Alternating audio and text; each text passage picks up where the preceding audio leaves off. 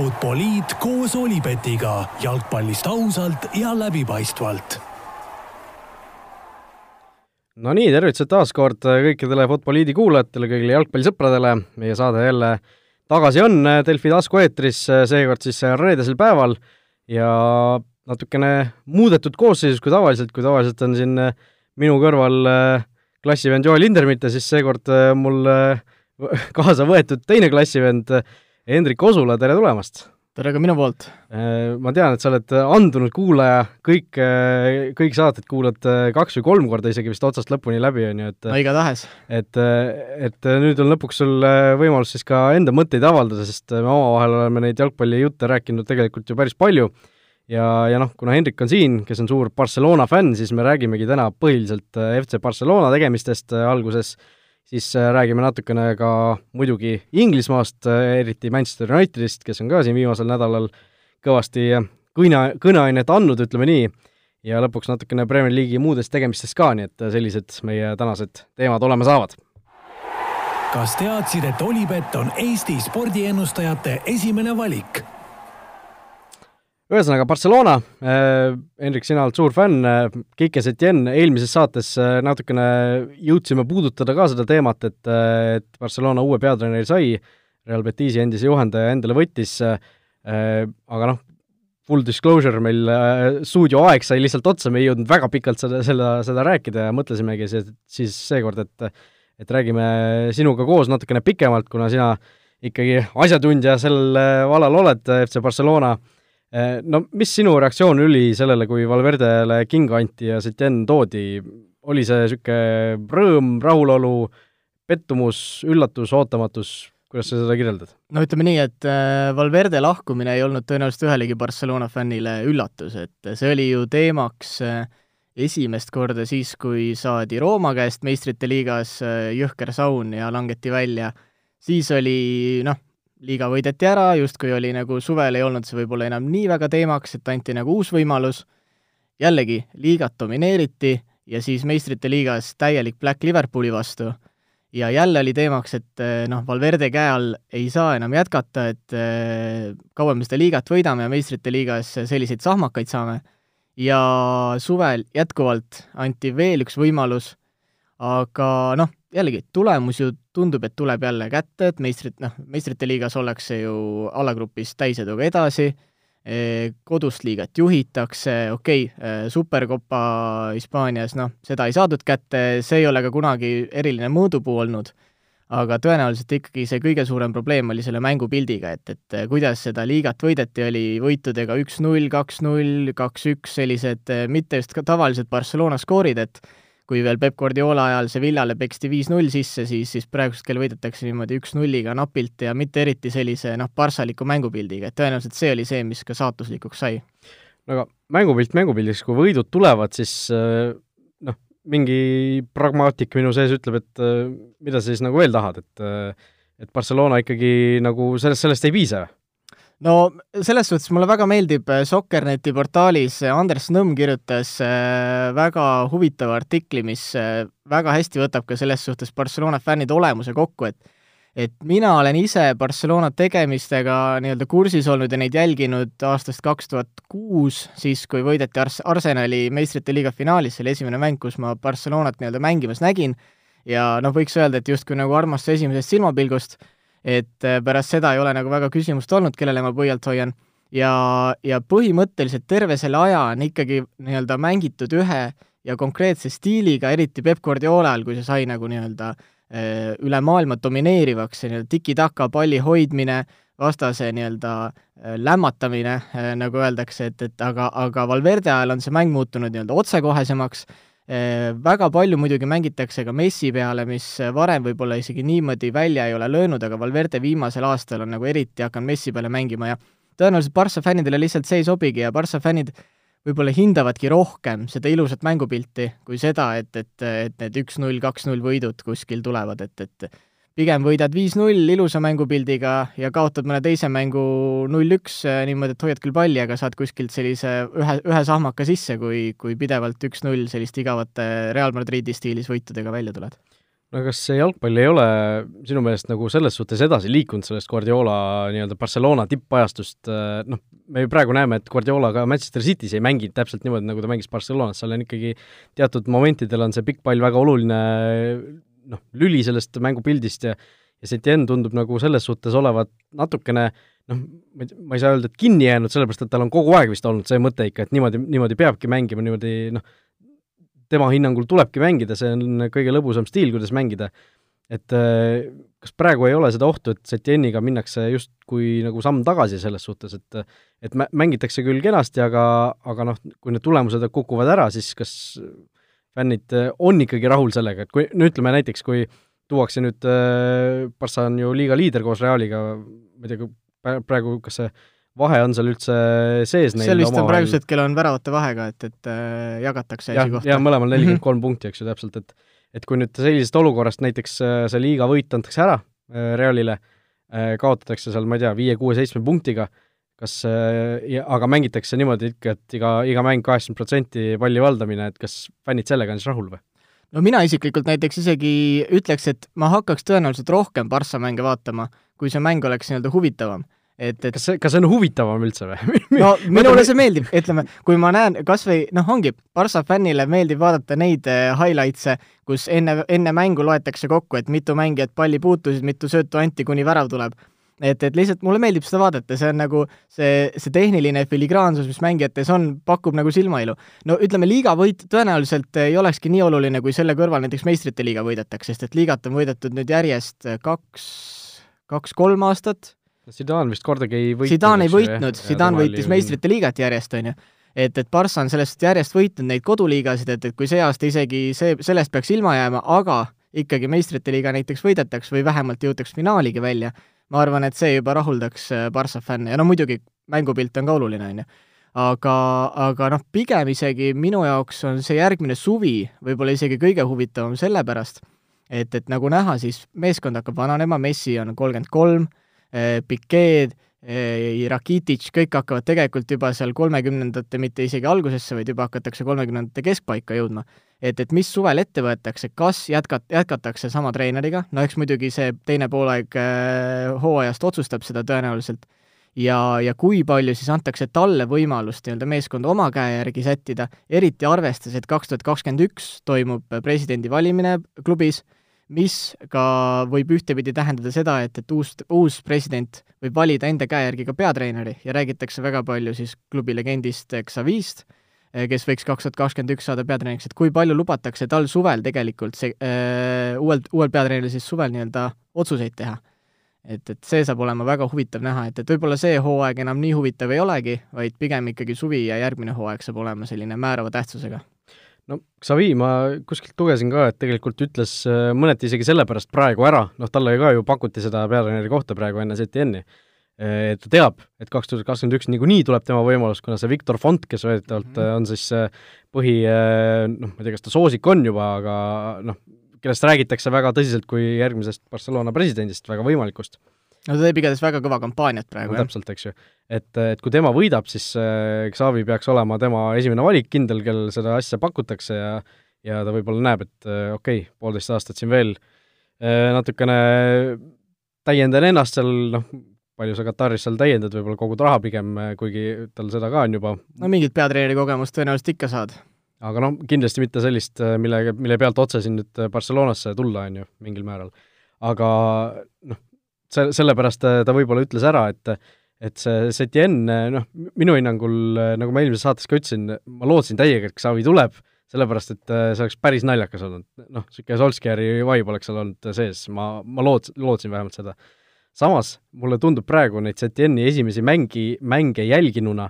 et, et see võib-olla noh, minu kui Barcelona sügava vihkaja jaoks võib-olla see ei ole isegi üldse halb variant, see Setien, sellepärast et okei okay,, kahes mängus on võidud kirja saadud, aga kuidas sa seda kommenteerid? Barcelona Granada üks-null kodus. Äh, kaheksakümmend kaks protsenti palli hoidmist. seitsmekümne kuuenda minuti mingisugusest äh, Messi väravast kümnemehelise Granada vastu saadi lõpuks võit kätte ja nüüd siis äh, kolmapäeval Copa del Rey, mis liigas see Visa mängib, esiliigas või? Vist isegi madalamal või jah, oli Segunda B. Segunda B ehk siis see ko-, nii-öelda ta-, tugevuselt kolmas liiga no vot, see, kus, kas isegi Joel ei mänginud seal kunagi, meie tavaline saatejuht? ei tea, see, ta, seal on vist see, et, et ta mängis vist äh, selles madalamas, kus olid need regionaalsed äh, grupid, et, et äh, või selles Terceras või? kas Segundas ei ole regionaalseid gruppe? on ikka, neli tükki ja no vot, siis igatahes jah, võib-olla, võib-olla mängis seal isegi, aga no mis seal ikka, Joel on ka, oli ka omal ajal koondises, nii et, et äh, tubli jalgpallur. no ju täpselt, on ju, ja Frank Liivak ja kõik, kes need mängisid, ütleme siis äh, Ibiza, selle, selle klubi vastu jäädi kaotusseisu, mängiti suur osa mängust kaotusseisus ja siis Anton Griezmanni kaks väravat seitsmekümne teisel ja üheksakümne neljandal minutil äh, tõid selle võidu lõpuks Barcelonale selle seitsmekümne kaheksa protsendilise palli valdamise juures pealelöögid Ibiza seitse, Barcelona kaheksa. no kas see on see, mida Barcelona siis näha tahab või? no mulle Männid. tundub, et tegelikult vaata, kui peatreenerit klubi vahetab, siis tavaliselt tehtakse seda olukorras, kus meeskond on nii-öelda viimasel ajal kehvasti mänginud, eh, tulemust ei tule ja siis uus treener toob justkui selle nii-öelda vabanemise, toob sellise värskuse ja siis klubi justkui hakkab paremini mängima ja tulevad tulemused, et, et see on nagu see, millal tavaliselt peatreenerit vahetatakse Barcelona näide on aga selles suhtes ju hoopis vastupidine, et, et, et, et igal pool võideti eh,, liigas esimene koht, okei okay,, Atletico vastu Supercopas saadi nagu valus kaotus, on ju, aga eh, võib-olla siis nii-öelda tulemuse mõttes see vahe ongi praegusel natuke vastupidine, et võitjatelt liiguti küll nii-öelda tulemuse mõttes allapoole, aga see ongi võib-olla selle filosoofia vahe, et need mängijad on ju mänginud praegusel ju eh, Valverde käe all mängiti kaks pool aastat põhimõtteliselt nagu ühesugust jalgpalli ja nüüd äkitselt põhimõtteliselt paari-kolme päevaga peab hakkama hoopis teistmoodi mängima, et, et osad nendest mängijatest ei ole ju ka mänginud ei eh, noh, eh, rääkimata Guardiolast, ei ole ka, ei mänginud ka Villanova ega ka Enrique käe all. nii et, et võib-olla nad ei olegi mänginud sellist stiili, sellist stiili jalgpalli ja ega see nõuabki natukene harjumist, et kui sa ei ole ka La Masia kasvandik, siis, siis võib-olla sa ei olegi harjunud palli hoidma, niimoodi kiirete söötudega mängima. no selles suhtes, et palli ho-, palli hoidmisega saad ju väga hästi hakkama, on ju, aga no palli just... hoidmisest tuleb ka tulemuseni minna, et, et kui me mäletame, kuidas need Guardiola ajal need väravate reeglid tulid, siis olidki, hoidsid palli ja siis ühel hetkel sa tabad selle ideaalse jooksu või hetke ära, kui sa selle et-, palli ette annad ja see värav tuleb, et, et et äh, selle, see on ka omamoodi oskus ja see oligi see, miks Iniesta ja Xavi omal ajal särasidki, et nad olid pikalt omavahel kokku mänginud, nad teadsid, millal see Messi jooks tuleb, põhimõtteliselt niimoodi nad ei pidanud vaatamagi, nad teadsid, et nüüd Messi jookseb, nüüd ma panen selle palli sinna ja värav tuleb, et nüüd on meil ju siis tulnud äh, De Jong, kes äh, noh, okei okay,, ajaks mängib ka sellist, ütleme, domineerivat, natuke rohkem võib-olla hoidvamat jalgpalli, aga no ütleme ikkagi kokkumäng sellisel tasemel võib-olla ei ole nii hea ja eks, aga anname ikkagi uuele treenerile ka natuke aega, et, et äh, vaatame, mis sellest saama hakkab selles suhtes, et äh, jah, need esimesed mängud ei ole, ei ole kõige lubavamad olnud minu, minu meelest vähemalt. aga nüüd, äh, ma tahaks jah, selle Xavi teema kohta, et, et kuna sa tõid selle Xavi nii-öelda mängu, et, et teda juba sellel talvel pakuti talle seda kohta, siis siis ma ise mõtlen, et võib-olla tema jaoks oli ka üks kaalukeel see, et, et ta on ikkagi väga paljude praeguste mängijatega koos omal ajal mänginud nii-öelda äh, Äh, teises positsioonis olnud, okei okay,, ta oli küll ka kapten, on ju, aga ikkagi nii-öelda mängijana tõenäoliselt sa suhtud äh, nendesse mängijatesse teistmoodi kui peatreenerina, et sa pead suutma ikkagi peatreenerina ühel hetkel nii Messile või mõnele teisele staarile ikkagi öelda, et kuule, et, et võta nüüd ennast kokku, on ju. aga kui sa oled nii-öelda varem nii-öelda sina peal olnud, siis selle sina pealt nii-öelda teie peale minna on suhteliselt keeruline et, et äh, võib-olla aga, aga noh, selles suhtes, kas äh, kaks tuhat kakskümmend üks suvi oleks see olukord väga teistsugune no,? Samas... ma arvan, et Messi oleks ikka klubis, Busquets oleks ikka klubis, Piquet no, oleks ikka klubis. vot Piquet kohta ma ei ole, ei oleks võib-olla enam nii kindel, sest et no Messi on ka ikkagi kaks tuhat kakskümmend üks, äh, saab ta ka kolmkümmend neli, kolmkümmend viis noh, ütleme tõenäoliselt ta mängib ta on kaheksakümmend seitse sündinud vist no ta on praegu saab, on kolmkümmend kolm saab, ehk siis saab kolmkümmend neli, on ju, et, et eh, eks seda näis, eh, noh, hooaeg algab ju poole pealt, on ju, tõenäoliselt vahetus toimuks suvel, et siis ikkagi kolmkümmend neli, kolmkümmend viis on Messi vanus sellel esimesel hooajal, kui Xavi tuleks, et, et tõenäoliselt ikkagi see sats näeks paljugi teistmoodi välja ja, ja võib-olla siis oleks Xavil ka lihtsam seda üle võtta, et on vähem nii-öelda sinamehi ja saad rohkem nagu peatreenerina sinna klubisse tagasi tulla kui endise mängijana. noh jah, eks näis, aga no sellest äh, ütleme, Barcelona nüüd koosseisust äh, rääkides, keskväljal tundub, et äh, kõrvalt vaadates, et Ivan Rakitic on viimasel ajal natukene niisuguseks ma ei tea, kas paariaks saanud fännide seas või kuidagi ei taheta nagu teda väljakul väga näha enam, et mis see, mis sinu hinnangul see parim keskvälja, ütleme, kombinatsioon seal olla võiks, et noh, sul on Busquets no,, seal on De Jong, eks ju. De Jongil, just. ja kes seal kolmas võiks olla? Artur. Artur ilmselt, eks ju. seal on et, veel variandid, on Vidal, eks ju. Vidal ja, ja kes siis... nüüd muidugi siin raha, rahamai alt läks klubi juhtkonnaga tülli samas äh, nii-öelda äh, vahetusmehena on väga olulist rolli mänginud, tihtipeale tulnudki mängu ja toonud seda värskust sinna ette. teistsugust natuke. just, ta on äh, ikkagi selline agressiivne, ta võib mängida ka vajadusel Busquetsi asemel nii-öelda kaitsvapoolikuna, nii et, et tal on oma kindel roll meeskonnas olemas. no Rakititšil ta alustas hooaega suhteliselt lahjalt ja tõenäoliselt sellepärast ka ta fännide nii-öelda tähelepanu saigi, noh, negatiivset tähelepanu just peamiselt, et ta alustas hooaega kehvalt ja tegelikult suvel oli tal ka juba ju jutud, et ta hakkab nagu ära minema, äh, eks vanus ole ka juba suhteliselt palju, et, et äh, eks ta siin juba viimased, eelmine hooaeg juba oli tegelikult selline, et, et jutud väga tõsiselt käisid, et ta peaks nagu ära minema, aga samas nüüd en-, enne talve ta hakkas nagu vormi tagasi saama, nii et, et, et eks nüüd näis, mis siin kevadel saama hakkab, kui olulised meistrite liiga mängud ka tulevad ja ütleme, seda rotatsiooni võib-olla nii agressiivselt enam teha ei saa kui hooaja esimeses pooles, et siin alagrupi mängus äh, kuskil meistrite liigas said ka platsi peal Ansu Fatid ja, ja, ja mis, kes siin Interit, äh, Interit häbistasid, et, et siin La Masia poisid. okei okay,, okei okay,, aga üks huvitav mängija on ju veel tegelikult, äh, kes siin Setjeni käe all just külmkapist on välja võetud, lausa sügavkülmast võiks niimoodi öelda, on Riki Puig, niisugune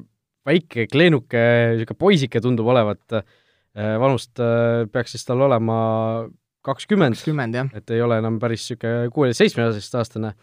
et äh, väga ilmselt ei kasva enam mm. -hmm. aga, aga mis tema niisugune roll võiks tulevikus olla, kas ta on, on üldse selline mees, kelle, kes võiks, ma ei tea, viie-kuue aasta pärast endiselt Barcelonas olla? Barcelonas on neid kahekümnendate alguses ja noh, seal nagu kuskil üheksateist, kakskümmend, kakskümmend üks selliseid äh, Äh, välejalgseid või üldse selliseid, ütleme, väga hea ründevaistuga ja noorelt nii-öelda särama löönud mängijaid ju aja jooksul olnud väga palju, et, et üks särama, säravamaid näiteid on äh, Bojan Krkic, kes äh, kunagi isegi vist Messilt võttis La Liga noorima väravakütilööja tiitli ära, et, et ja kus ta nüüd siis lõpuks maandus, on ju, et et nende mängijatega on selles suhtes väga keeruline öelda, et siin järgmine aasta-kaks on tõenäoliselt ka tema jaoks väga otsustava tähtsusega ja ja kindlasti oleneb ka väga palju sellest, kui palju need nii-öelda vanad kalad seal, äh, äh, Suarez seal ees ikkagi veel on, et et kui suurt rolli talle antakse, küll aga Setjeni plussiks peab ütlema, on see, et, et ta on aja jooksul alati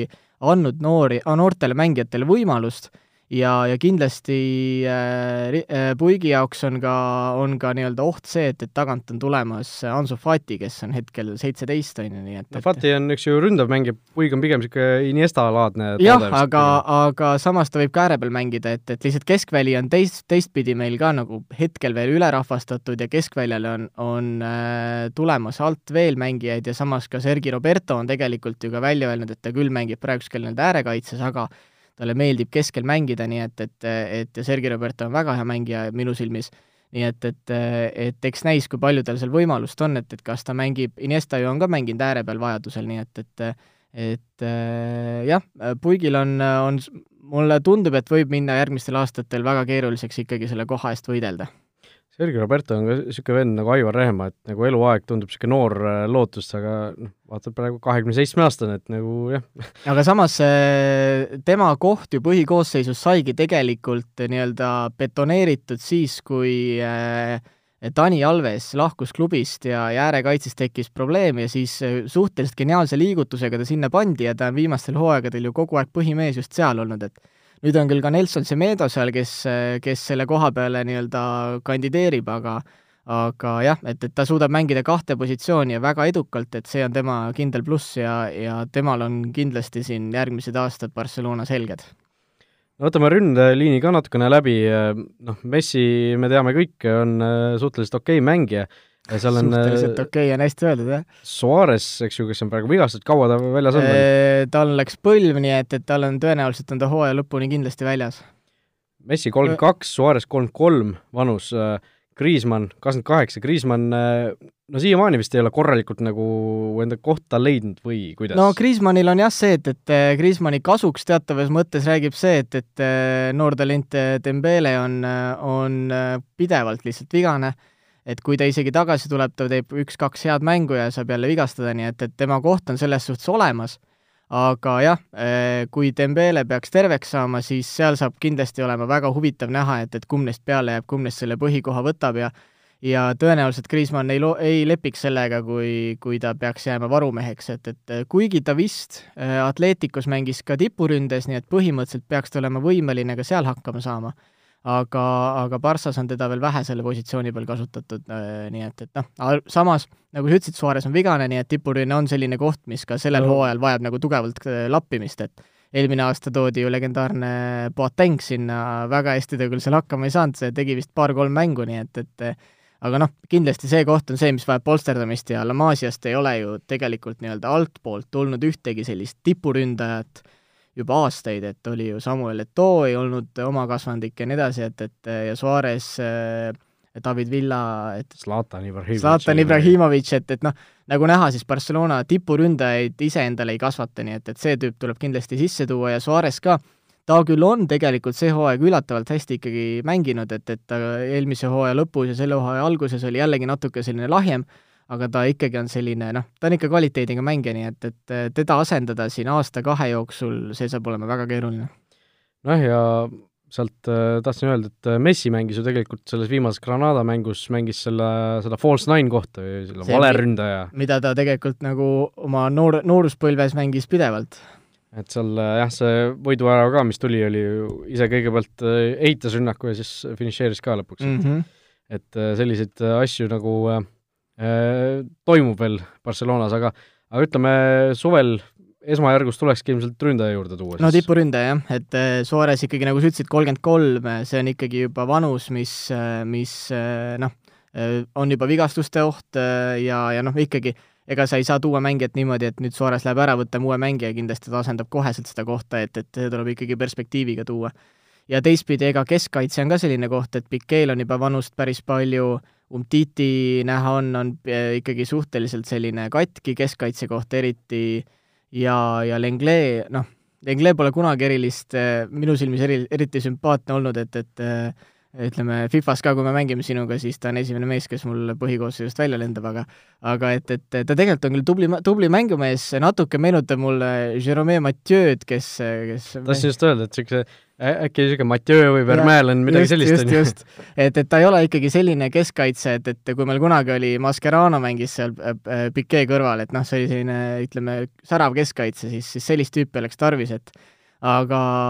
karta on, et, et pigem minnakse suure rahaga ründajat ostma kui praegu keskkaitset, et seal õnneks La Masiast on tulemas seal keskkaitseid küll, et Interi vastu ju ka mängisid kaks La Masia poissi ja võtsid selle Lukaku ja poisid seal korralikult taskusse, nii et, et, et seal tegelikult väga hullu ei ole. jah, me räägime suvest, aga jaanuaris ei ole mingi, midagi vist oodata no veel. tõenäoliselt üks äh, tipuründaja, mingisugune selline kogenud, äh, no Boatengi moodi tüüp tuleb laenule, et, et, äh, et saab nii-öelda oma CV-sse kirja, et olen Barcelonas mänginud ja, ja lastele kunagi särki näidata, et aga, aga tõenäoliselt ta mingeid tegusid tegema ei hakka, et noh, muidugi võib-olla kuskilt tõmmatakse selline kaks tuhat kuus aasta Henrik Larsson välja, kes, kes tuleb ja lööb meistrite liiga finaalis kaks väravat, et kes seda teab, aga, aga noh, lootus on, et see niimoodi tuleb, aga väga selle peale ei usu. no lastele särgi näitamisest rääkides, äh, mis särgi sina oma tütrele Martale ostsid enne tema sündi vist isegi veel või? jaa, see sai ostetud jah ähm,, käisin pulmareisil Barcelonas ja käisime mängu ka vaatamas ja ja ostsin Neimari särgi äh, vahetult enne seda, kui, kui Neimar suvel äh, suure hurraaga BSG-sse läks, nii et, et eh, jah, tõsi, see särk on meil kuldsete, kuldsete tähtedega Neimari särk on mul jätkuvalt kodus olemas, aga aga kasutust ei leia. kasutust veel jah, vist ei leia, vast-, varsti on juba samas, kes seda teab, äkki varsti jääb väikseks juba vastupidi, äkki just saab ter-, saab parajaks selleks ajaks, kui Neimar tagasi Barcelonasse tuleb, et tuleb või? Tegelikult ma isiklikult väga ei äh,, ei oota seda, et ta tuleks, aga no need jutud on ju kogu aeg niimoodi käinud, et ütleme nagu kass ümber palava pudru käiakse kogu aeg selle teemaga, et, et, et eks näis. mina isiklikult ei ole tema tegelikult väga suur austaja, see särk sai ostetud ka sellepärast, et see oli allahinnatud, muidu need särgid seal Barcelonas on jõhkralt kallid, et, et et sai selle mõttega ostetud, aga noh, või isegi oli vist niimoodi, et ma ostsin, abikaasale ostsin särgi ja selle sai vist kauba peale, et, et kuidagi niimoodi, et et siis niimoodi see särk meile koju jõudis, jah. aga põlema veel ei ole pannud, nagu Iraanis Ameerika lippe, et veel, veel, veel. vot äh, Barcelonast nii palju, läheme edasi vaikselt Inglismaa juttude juurde, aga enne Olibeti kuulajamäng. kas teadsid, et Olipet toetab FCI Levadiat? Olibeti kuulajamängus seekord siis äh, liigume hoopis Itaaliasse, vahelduseks äh, Hispaaniast niisugune kõrvalpõige Itaaliasse ja siis tagasi Inglismaale. Itaalias pühapäeval väga huvitavad mängud, kõigepealt seal Rooma, AS Rooma ja Rooma Lazio kohtuvad, Lazio teadupoolest siin tiitlimängus lausa sees ja peab siis võõrsil linnarivaalidele ära tegema, et seal see nende tiitlikampaania endiselt jätkuks. Aga äh, kuulaja küsimus tuleb siis äh, veel hilisõhtusemast mängust, kus kohtuvad Juventus ja Napoli. Ja küsimus on siis lihtne, mitu väravat Cristiano Ronaldo selles mängus Napoli vastu lööb? Ronaldo viimased mängud on väga hästi mänginud, on selline hooaja teise poole Ronaldo, endiselt olenemata sellest, mis see vanus võib ol-, võib olla väravaid ta oskab lüüa. Ja noh, Hendrik, mis sa arvad, viimased neli mängu järjest, kus ta mänginud on, on skoori teinud, kuusteist väravat vist sel hooajal kokku äh,. Nende hulgas see, mis Ragnar Klavan andis talle jala peale peaaegu. jah, et äh, Giro Immobile ainult siis temast rohkem löönud Serie A-s, Immobile kakskümmend kolm väravat, Ronaldol kuusteist. mitu tükki Napolile tuleb? no Ronaldo on igatahes vaieldamatult äh, tõeline väravamasin, kuigi ta võib-olla minu silmis kõige sümpaatsem mängija ei ole, aga no ühe lööb ikka ära, et äh, ma rohkem väga ei usuks, ma, mulle tegelikult Napoli on alati olnud selline Itaalia mõistes äh, sümpaatne mängija, nii et, et äh, sümpaatne tiim, et äh, hoia natuke neile pöialt ja ütlen, et Ronaldo üle ühe ei löö. ehk siis üks, no üks tundub niisugune loogiline, aga ma isegi tead, ütleks, ma olen praegu kahe ja nulli vahel, kuigi ma oleks ka ilmselt üks pakkunud automaatselt, no ma ütlen ka siis üks, et et ei hakka siin äh, meelega midagi muud pakkuma, et, et pärast siin lolliks jääda, on ju. Mhm. et üks, üks tuleb, noh, Napoli on äh, siin viimast, viimati küll karikasarjas Latsiot võideti, aga enne seda kolm Serie A mängu järjest kaotanud ka, et seal Juventusel võiks ole, hoolimata võõrsil mängimisest see võit äh, ära tulla. aga eks näis, pühapäeva õhtul kell kümme siis see mäng toimub ja ja Olipetis siis äh, on tegelikult ka äh, uutele klientidele selline huvitav pakkumine, et äh, Ronaldo lööb värava koefitsient, mis muidu on siis üks koma seitsekümmend üks, on võimendatud uute klientide jaoks kümne peale, nii et kellel oli mitte kontot. see on äh, hea diil, tean omast käest. see on väga hea diil, no ma tean, et sina oled ka meil kuulajamängus ju osalenud ja isegi siin äh, tead, natukene raha teeninud sellega. jaa, väike, väike võit sai taskusse pandud jah, ühe, ühe hea panusega, et, et äh, tasub kätt proovida aga kus see ennustus, see üks värav kirja tuleb panna, Raul? Äh, ennustus tuleb kirja panna siis Olibeti, Eest-, Olibet Estonia Facebooki lehel, otsige üles meie saate postitus ja sinna alla siis kommentaaridesse pangegi äh, enda pakkumine ja kõigile õigesti vastanutele Olibet annab omalt poolt siis kümme eurot tasuta panustamisraha. aga läheme edasi Inglismaa jalka juurde. kas teadsid, et Olibet pakub parimat mitmikpanuste diili Eestis? Alustame vast äh, Manchester Unitedist, sest sellest, äh, sellest on rääkida oi kui palju. stuudioaeg hakkab ka vaikselt siin otsa saama, nii et äh, teeme kõik kiiresti, kiiresti ära, mis me saame. manust meil... ma võiks ka pikalt rääkida. meil on kakskümmend minutit aega, ma arvan, me saame selle ajaga hakkama. No United viimasel nädalal tõesti palju sellist pöördelisi sündmusi siin oli, kõigepealt see nädalavahetuse mäng Liverpooliga, mis lõppes siis Liverpooli kaks-null võiduga Anfieldil, no vaatasin seda mängu ja no Liverpool oli üle, no ei saa midagi, ei saa midagi rohkemat öelda, et äh, kuigi see üks-null seis püsis väga pikalt, United oli seal mõni võimalus viigistada, aga noh, see võit oli lõpuks ikka väga-väga teenitud ja noh, Ole Gunnar Solskjaer seal rääkis küll, et jaa, palju positiivset oli, aga noh, ma ei nagu noh, mhm. mingis mõttes ma ei tahaks nagu nõus olla, samas okei okay,, Liverpool ongi see ülivõimas, eks ju, ja United ühe korra suutis neid juba üllatada või noh, on siiamaani ainus tiim, kes on suutnud neilt üldse punkte võtta liigas. ja noh, see teine kord mingil, mingil määral nagu oli lähedal, sellepärast et see üks-null püsis väga pikalt, teisalt Liverpool ikka kontrollis seda mängu päris hästi ja et noh, mingil mõt-, mingis mõttes United justkui kopeeris seda Jose Murillo taktikalist plaani, mis Tottenham ka üritas, et äh, üritame võimalikult vähe vigu teha ja siis lõpus küll meil need võimalused tekivad, on ju, aga noh, tekkis ja. küll, aga kui ära ei löö, siis pole midagi teha. ma vaatasin ise ainult esimest poolaega, kahjuks ma ei saanud teist vaadata aga no näha oli mänguliselt selles suhtes äh, ikkagi üks meeskond domineeris äh,, Manu oli põhimõtteliselt äh, poole platsi peal olid ründajad, ootasid lihtsalt, et äkki tuleb mõni võimalus, aga, aga neid võimalusi ka, ma ei mäleta, kas esimese poolest ühe pealelöögi või midagi sellist Manu sai, et, et ikkagi väga räige domineerimine oli ja tegelikult peab tõdema, ega seal esimesel poolel see teine värav ikkagi Liverpooli poolt oli ka ikkagi väga mitu korda õhus, et, et et äh, see oli jah, kui esimene värav ära tuli, siis ma mäletan, et, et põhimõtteliselt mõtlesin, et nüüd võiks teleka kinni panna, et, et tõenäoliselt sealt enam midagi ei tule, aga vaatasin ikkagi poole lõpuni ja, ja no peab tõdema, äh, Liverpooli mängu vaadata on ikkagi päris kena praegu, et, et nad mängivad ikkagi ilusat jalgpalli ja ja isegi Barcelona fännina peab, peab neile nagu au andma, et, et, et tõesti hetkel äh, väga võimalik, et maailma parim meeskond, jah no ega siin on raske vastu vaielda ausalt, kui kas või seda tabeliseisu vaatad, et nii kõvas liigas kui Premier League'is nii kõvasti ees olla, et see, see on ikka fantastika, et kuusteist punkti on vahe ja mäng on veel varuks see on no, täiesti jõhker, noh. ma mäletan aegu, kui sina heitsid ette Hispaania liigale seda, et, et Barca või Barca Realiga koos on siis kuueteist punktiga teistest ees ja tõid näiteks, kuidas Premier, Premier League on siis äh, maailma parim liiga eest kõik on üliühtlased, et, et äh, nüüd võiks vaadata vastupidi, et, et ega no vaata, sa räägid jällegi, et Barcelona ja Real koos olid seal ees, on ju, Liverpool on lihtsalt ainsalt praegu teistest üle. Ja olgem ausad, ei Manchester City, ei Chelsea, ei Manchester United, Tottenham ega Arsenal ei ole praegu sugugi oma parimates aegades. Ja praegu ongi, see tipp on kindlasti natukene lahjem, kui ta muidu, muidu on olnud Premis aga noh, see tabeli teine pool on jällegi väga põnevaks läinud, sellest me veel natukene räägime, aga noh, Unitedi juurde tagasi tulles, mainisid, seal ründajad ootavad äh, poole platsi peal, üks ründaja, kes selles mängus ei mänginud, on Markus Rashford, kes sai siin äh, juba meie eelmise saate eel tegelikult äh, karikamängus siis vigastada. Ja pärast on siis välja tulnud, et tegu on siis topeltväsimusmurruga, ma arvan, et see on eesti keeles äkki õige termin, double stress fracture oli vist inglise keeles mm, -hmm. seljas ühesõnaga. Äh, ja noh, põhimõtteliselt sõna otseses mõttes Unitedi tassimisest selg lõpuks äh, andis, andis järgi, äh, lõpuks murdus, seljakott oli liiga raske seljas. Ja noh, on välja, välja ka tulnud see, on kirjutatud sellest, et see probleem on tegelikult päris pikalt olnud selle seljaga tal, aga kuidagi otsustati kamba peale, Solskjaer, arstid, Rashford ise, otsustati seda ignoreerida, edasi, edasi kütta ja noh, tulemus on nüüd siin. ja siis noh, nüüd hakatakse mõtlema, et oi-oi, et meil oleks ikka ühte ründajat võib-olla veel vaja, et siin Solskjaer räägib, et noh, mingisugune ka, nagu sa Barcelona puhul rääkisid, et niisugune kiire poole aasta plaaniga mingisugune keegi noh, lihtsalt sisse tuua, sellepärast et äh, Rashford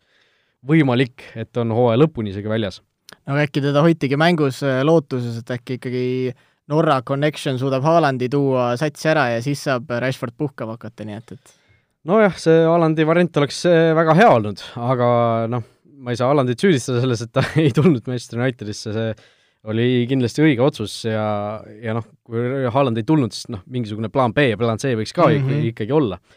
aga ühesõnaga noh. hea elu on praegu Boatengi nahas, et, et mitu tippklubi ajavad sind taga, vali, millist tahad, et no ma ei usu, et teda keegi väga taga ajab praegu, aga aga noh, see, et see, et see, selle peale hakatakse nagu nüüd mõtlema, et kuule, et meil äkki oleks kedagi veel vaja tuua, et see on ikka täielik noh, blamaaž, nagu klassikud ütlevad, et et see, noh, seda oli ju hooaja alguses juba näha, kui Lukaku maha müüdi, kedagi ei toodud asemele, räägiti sellest pikalt, et okei okay,, väga, väga kehv seis on, kedagi oleks sinna vaja, ja siis noh, selleks oli vaja Rashford täiesti nagu puruks, puruks mängitada, et lõpuks nagu päriselt see kuskile kohale jõuaks, et kedagi oleks sinna juurde vaja, et Mason Greenwood küll tore poiss, aga noh, kaheksateistaastaselt sa ei saa sellist noh, sa teed tema ka katki, kui sa annad esiteks füüsiliselt ja teiseks võib-olla vaimselt ka, kui sa ütled, sa oled Manchester Unitedi esiründaja, löö väravaid palun mm. -hmm. et noh, ja sellises seisus, nagu see meeskond üldse on, et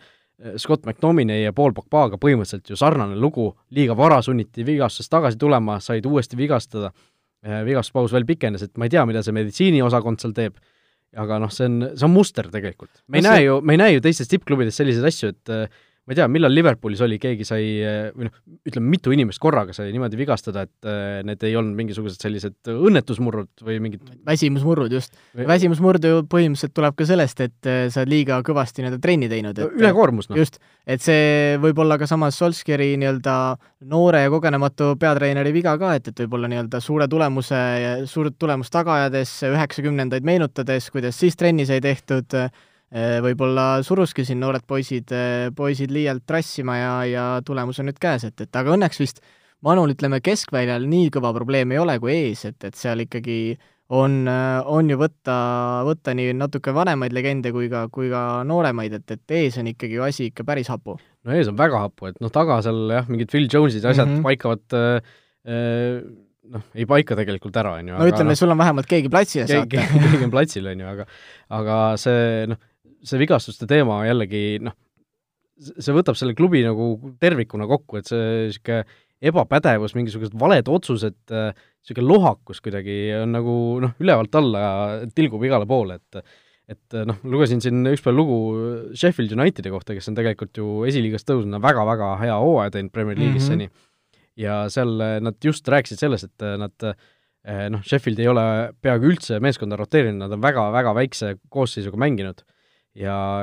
aga miks nad seda on suutnud teha, on see, et nad on väga-väga palju panustanud sellesse, et Äh, just see taastumine, äh, õiged koormused, äh, kõik see soojendus, kõik see on üli-üli tipptasemel ja no mängijad ei saa lihtsalt vigastada, ongi nii mm. -hmm. ja kaheksas koht ju no, punktiga ainult manust taga. Nad on tükk aega seal viiendal olnud ja vahepeal isegi tehti nalja, et äkki meistrite liigasse on ju Sheffield United, aga aga noh, see noh, üli-ülikõva hooaeg, nad jäävad kindlasti püsima Eh, kuigi see vahe on noh, kümme punkti, aga noh, ma ei usu, et nad no, selle tagasi, ära kaotavad, kuigi nad praegu on natukene siin tagasi andnud, eks ju, aga noh, vastased on ka kõvad olnud, kellega nad eh, üldiselt mänginud on, et eh, see noh, Sheffieldi mudel, noh, sa näedki tippklubide puhul, kuidas sellised klubid saavutavad edu, Liverpool, Manchester City, kes võtavad asja väga-väga süviti, nad palkavad spetsialistid igal pool ja nad noh, niisugune teaduspõhine lähenemine, on ju. kuigi no vaevalt, et Manu-suguses klubis ka mingid no on ju, no, no on ju noh, selles suhtes, et kui sa palkad, eh, sulle siiamaani ei ole ju seda direktor of football'i korralikku mm, -hmm. ei ole lihtsalt. ja, ja noh, sellest võib-olla isegi algab kõik, on ju, et et kui sul ongi selline mingisugune businessman teeb kõiki otsuseid seal ees Ed Woodwardi näol, siis siis sealt ei saagi midagi head tulla ja, ja noh, kui kui nagu noh, niisugune tunne nagu, et ei viitsita nagu pühenduda, et okei okay,, me oleme Manchester United, kõik, kõik laabub, kõik läheb nii, nagu nii nagu peab, on ju, aga tegelikult ju ei lähe, et te, kui teised inimesed pingutavad, noh, samamoodi no, kõige lihtsam näide, kus kui sa oled äh, koolis hea peaga õpilane, siis sa ei, võib-olla ei peagi pingutama, aga mingi hetk, kui teised kõik harjuvad ping-, on harjunud pingutama, pingutavad, siis mingi hetk lähevad sinust lihtsalt mööda, sellepärast et äh, noh, seesama, et äh, kui suur osa edust on talent ja kui suur osa edust on töö, on ju. Hard, hard work beats talent when mm -hmm. talent doesn't work hard, on ju et äh, see, see kõik on nagu Unitedi puhul niisugune klubi äh, noh, niisugune klubi, ma ei tea, mingi nägemus või äh, mingisugune filosoofia, mis nagu ei tööta lihtsalt mm. -hmm. no eks siin ongi see, et, et ega vist tõenäoliselt Solskjaeril ka seal enam vist pikka pidu ei ole, et, et no ma ei tea, noh selles suhtes pärast seda Burnley mängu, millest me pole veel mänginud või rääkinud üldse, mis oli siin nüüd kolmapäeval, eks ju mm, -hmm. et mhm. oh jah, et pärast seda ju kõik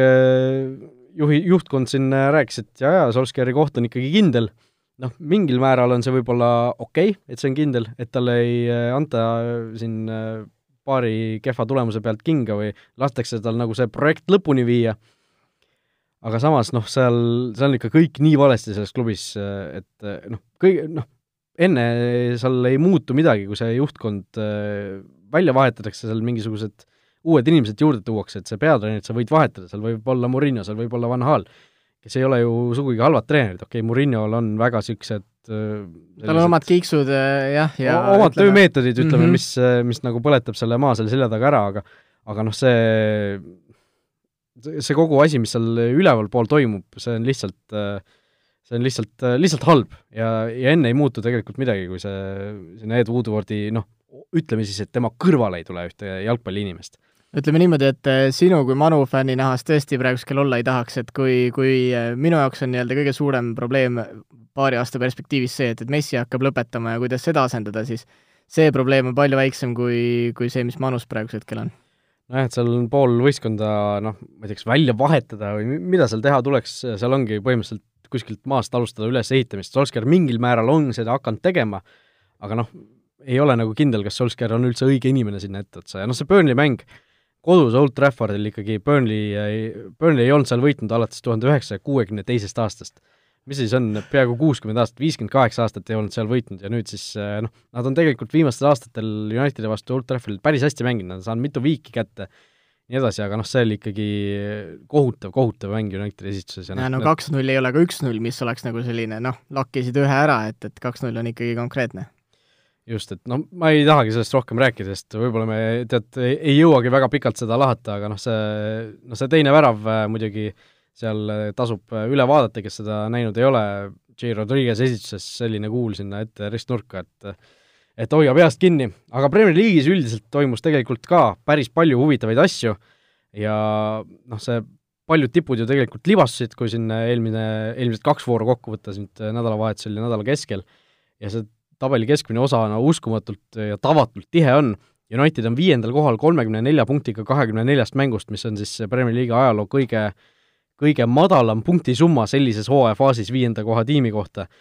ja Unitedil viiendana kolmkümmend neli punkti ja New eh,, jah, Newcastle United neljateistkümnendal kohal kolmkümmend punkti. neli punkti vahet. neli punkti vahet viiendal ja neljateistkümnendal kohal, et see ikka noh, täiesti äh, uskumatu mingis, mingil määral, et äh, United saab küll, võib-olla Solskjaer lööb kuskil rinnakummi, et me oleme viiendad, mida, mida te räägite, aga siin kahe vooru pärast võib kuskil teises kümnes täiesti olla, et noh, e, e, täiesti reaalne olukord on ju. uskumatult tihe kesk, äh, nii-öelda tabeli keskosa jah, ja sealhulgas on ju ka näiteks Arsenal, kes on ka ikkagi noh, ütleme, peetakse ju nii-öelda Premier League'i tippude hulka ja, ja noh, Everton, kes tavaliselt mängib oma kappi seal, ees on pikk vahe ja taga on pikk vahe, siis on ka nende kolmekümne punktiste hulgas seal, nii et et jah, väga huvitav hooaja teine pool saab olema, vaatamata sellele, et võitja on juba jaanuaris teada. no võitja oli juba jah, siin isegi detsembris või novembri lõpus teada, on ju, et aga noh, Arsenalist rääkides, siis nemad tegid ju väga huvitava kaks-kaks viigi Chelsea'ga, Eh, kolmas viik järjest Arsenalile, siis eh, ei ole Mikel Arteta käe all ka need võidud eh, kuskilt paisu tagant valla päästetud, et et see, see mäng seal Chelsea'ga oli ikka tõesti, tõesti et see oli koomiline see oli, see oli noh, niisugune mõnus andmine, on ju. Mhm. tõeline ikkagi Äh, Londoni derbi selles suhtes, jah. et jah, kes mängu ei näinud, siis David Luiz võttis seal kohe punase kaardi alguses äh, pärast Mustafi kehva söötu, Mustafi no see ei Luis... olnud mitte kehv sööt, see oli ikka nagu kohutav no, sööt, jah. no Mustafi Luisi keskkaitsepaar on ka muidugi koomiline, et Arsenalil selline asi praegu toimib, või noh, ei toimi, ei toimi siis, või noh, töötab äh, selles suhtes, et see, see asi on, mis pannakse väljakule iga mäng, aga aga noh, see Luis sai punase kaardi, Chelsea läks juhtima, tundus, et kõik läheb nende, nende nagu rada pidi siis oli Martinelli uskumatu, ta hakkas oma kastist jooksma mm, -hmm. jooksis täiskiirusel, N'Golo Kante tegi Steven Gerrardi livastus, eks ju. see oli ikka, ikka klassika, see, see läheb jalgpalli klassikasse. ja Martinelli tõesti sai värava kirja ja siis noh, Aspilicueta lõi kas kaheksakümmend neljas minut, midagi sellist. midagi sellist, jah. lõi niisugune värava ja siis purast värava oli, jaa, kaks-üks näpud püsti, lõpuks ometi Chelsea saab võidu kätte aga siis kolm minutit hiljem Hector Bellerin vasaku jalaga kauglöögist viigistas, et no täiesti pöörane, pöörane mäng, aga veel pöörasem. Lõpp oli siis ju tegelikult äh, Evertoni ja Newcastli mängus. Everton hakkas, äh, üheksakümne neljas minut käis, Everton hakkas kindlalt kaks-null võitu võtma, alustame juttu niimoodi. Aeg, kui tavaliselt mängud lõpevad juba. jah, et äh, noh, seal oli, see oli sel-, selge, et see asi on tehtud ja siis äh, kaks ikka korralikku niisugust kehalise kasvatuse puraväravat äh,, Florian Lejeune, kusjuures mõlemad sai enda nimel Newcastli mees, et äh, esimene okei okay,, lõi käärlöögisse, aga noh, niisugune pärast nurgalöögi järgset niisugust saginat. väikest pura, jah. ja siis äh, teine värav, no see on, kõik, kes ei ole näinud, tasub Youtube'ist üles otsida, see on täiesti nähtav seal ametlikes kanalites, äh, no, no sellist mõnusat jaburat pura ei ole ikka ammu nähtud no.. kellele jääb jalale, kohe vajutab peale ja läheb kellelegi näkku, kukub teisele vennale jalale, ei, see oli kõva. värava ees oli mingi kümme meest oli mm -hmm. koos ja see pall põrkas nagu see pinballi kuulike seal kuidagi ja postis käis pall ära. ja samal ajal olid Evertoni kaks keskkaitsjat äärejoone taga, et, et ja, ja, eelmisest ja, olukorrast välja pall käis üle joone, tõi, toodi sealt tagasi, eks ju, noh, see, see, see foto, kus pall on nagu üle joone Bigfordi tõrjest, eks ju see, see, see kõige noh, seal ongi, seda fotot saab vaadata nagu pool tundi järjest, et kus, kus, kuidas keegi sinna on sattunud, et nagu sa ütlesid, mõlemad äh, Evertoni keskkaitsjad on otsajoone taga kuskil seal, kus see viie, viie kasti nurk ja no see reisisaatja koha peal. jah, täpselt, on ju, mõlemad on seal ühe koha peal, vaatavad lihtsalt, mis toimub, eks ju. Äh, Jordan Pickford, Evertoni väravaht, on väravas sees ja püüab palli kinni või nagu nagu käe tõukab, peal, nagu soe pall on selles tõukab, tõukab mm. selle kuskilt välja, on ju ja jah, seal viie kasti sees on, ma ei tea, kes on, kes on pikali, kes on seal noh, pool, pool äh, mängijatest on seal ühesõnaga. no korralik kooli jalgpall selles suhtes. just, äh, igatahes tasub seda väravat vaadata ja tegelikult üks äh, mäng, mis oli veel eile õhtul, Liverpool Wolves, mis oli ka väga äge andmine tegelikult, aga Liverpool, no ma ei tea, noh, they can't keep getting away with it, niisugune tunne on, et nagu kuidas nad ikka, ikka võidavad selliseid kohtumisi, see on täiesti fenomenaalne. Et no loodetavasti nad äh, võtavad oma kõik äh, õnne nagu sel hooajal kasutavad ära ja siis kukuvad tagasi sinna, kus nad äh, nagu tegelikult kuuluvad, eks ju. et aga noh, see, see, kuidas tõesti Wools surus neid kodus, no mingil määral isegi äkki oli parem võistkond, aga noh, lõpuks ikkagi Firmino selle värava kirja sai, kaks-üks võit Liverpoolile vägev, aga mis kõige ägedam selle mängu juures oli, täielik man of the match kindlasti Woolsi poolt Adama Traore. no jaa. Endine Barcelona mängija. nojah, ta Barcelona stiili lihtsalt hästi ei sobitunud, tõenäoliselt on nüüd leidnud nii-öelda selle koha, mis, mis talle sobib, et saab oma kiirust näidata, saab äh, pikka palli ette ja sellele järgi joosta ja oma selle jõulisusega neid rün-, äh, kaitseid seal vasakule ja paremale lükata, et et Barssas ma mäletan see oli nüüd kas kolm või neli aastat tagasi, kui ta seal põhikoosseisus äh, sai, sai mõned mängud kirja, aga tal oli natuke, natukene sama teema, mis on, mis on veel paari La Masiast äh, tulnud, äh, tulnud ründaja viga, et, et ta ikkagi tahab väga palju ise ette võtta ja ja sööduoskus tal ikkagi jääb natukene vajaka, et, et eks ta olegi selline Premier League'i tüüpi mängija, et, et ise teeb ja, ja vajutab ära sealt, et, et jah, Barsasse ma teda küll tagasi ei oota, aga põialt hoian ikka nojah, Klopp ka eile ju pärast seda mängu ikkagi noh, tõesti ilastas äh, Traore üle, et äh, fantastiline mängija, unplayable ütles mm -hmm. tema mhm. kohta, on ju, et et tõesti, kui tal on hea päev, siis ta noh, sa ei saagi midagi teha, et ta on, ta on lihtsalt äh, ta on number üks, ta on kõige kiirem jalgpallur maailmas, number kaks, ta on võib-olla isegi kõige nagu eh, noh, ilmselt kõige tugevam ei ole, sest mingeid suuremaid vendi on ka ikkagi, sest ta on noh, meeter seitsekümmend kaheksa pikk, vaatan praegu. Mm, -hmm. et ta ei ole nagu selles suhtes niisugune äh, kivi, aga ta on nii lihtsalt nii musklis, ta näeb välja nagu rugby-mängija, on ju, ja, ja ta lükkab kõik lihtsalt ära kehaga, on ju ja noh, eile oli ka iga kord, kui pall nagu tema lähedusse sattus, siis see kogu Molineux Woolsi kodustaadion, noh, niisugune mõnus niisugune elevus tekkis, niisugune et äh, mis nüüd saab? Ja no enamasti sai ka midagi, et ta võttis seal ikka korduvalt neid äh, Liverpooli kaitsjaid ette, ühe korra oli niimoodi, et vaatas, et Van Dijk, Van Dijk on ees, tegi ühe sammu edasi ja siis mõtles, et ah, igaks juhuks löön peale nii kaugelt, et oleks seal ka võinud ära teha, vot siis oleks see oleks Van, tõmbad Van Dijk'i pikali, vot see on ikka jah. no see, kui kiire ta on kui, mhm. millised sööstud milline plahvatus tal on, jah jah, et noh, kui ta selle tehnikaga ka nüüd ja need löögid ja kõik asjad nagu sinna taha saab, siis sealt tuleb ikka väga vägev mäng, et ta on kahekümne kolme aastane alles, seal on tulevik on veel ees et.... no ta sai ka, tema on üks nendest äh, paljudest noortest, kes äh, Barcelonas noorelt peale on saanud, teine samasugune mängija, kes Barssas läbi ei löönud ja Hispaaniasse ka jäänud, on äh, Evertonis mängiv vist Gerard Delfeu jah, et, et on lihtsalt mingid mängijad, kes oma stiililt sobivad paremini äh, Inglismaale Everton on näiteks koht, kuhu väga paljud Barcelona mängijad on tulnud ja sinna ka jäänud, nii et, et äh, noh, Traore puhul on see, et ta ei leidnud tegelikult ju ka Inglismaal väga hästi oma kohta üles mm, -hmm. kõigepealt oli seal Villas natukene, siis oli Middlesbrough's, nüüd Woolsis, et ta ei ole kuskil olnud tegelikult selline noh, täht või noh, nii-öelda super number mm -hmm. üks vend, et tuleb, lööb jalaga uksed lahti, et ta on ikkagi noh, just see mängutarkus, tehnika, kõik see on nagu aeg-ajalt järgi tulnud, eks ju, et et nüüd, kui ta vaikselt hakkab seda asja kokku panema, siis noh, ma loodan, et tõesti järgmine hooaeg võib-olla on tema jaoks see, kus ta noh, tõesti nüüd no loodame lihtsalt seda, et, et nüüd äh, nende mõne hea esitluse põhjal teda kuskile Chelsea'sse ära ei osteta ja pingi peale ei panda ja ja ei taba teda sama saatus, mis paljusid teisi selliseid äh, varakult äh, särama löönud mängijaid jah, tõesti, no ühes saates vist ütlesin ka, et ma tõesti loodan, et ta jääb Wulvsisse, Wulvs on äge punt ja ta mm -hmm. sobib sinna nagu hästi, et et tõesti äh, äh, vägev mees äh, ja suur tulevik ilmselt teda ootab, aga ilmselt mitte väga pikk tulevik, sellepärast et kui tal see füüsis natukene ära kaob, siis noh, ta on täiesti teistsugune mängija ilmselt. jah, no eks teda võib, võib oodata samasugune saatus nagu paljusid brasiillasi, kes, kes kiiruse ja, ja selle füüsise pealt tulemusi teevad ja siis, kui kolmekümnes kukub, siis tuleb kõht ette ja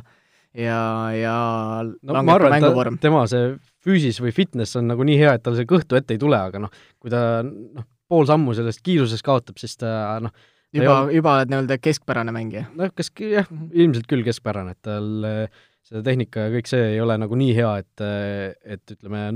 tavalise jalgpalluri füüsisega nagu mm -hmm. nii mhm. hästi läbi lüüa, aga aga noh, see selleks, eks Barca võib-olla ka natukene ikkagi äkki mõtleb, kahetseb, et võib-olla oleks võinud talle rohkem võimalusi anda, aga samas võib-olla kui ta poleks Inglismaale läinud, ei oleks ta nii, nii säravama löönud, kui ta praegu on mm. -hmm vot, aga aitäh sulle, Hendrik, poliiti tulemast. Äh, meie siit tõmbame otsad kokku ja kohtume juba loodetavasti järgmisel nädalal. ja nagu Joel ütleb, olge mõnusad! vutiviikendi parimad kohvid leiad Olipetist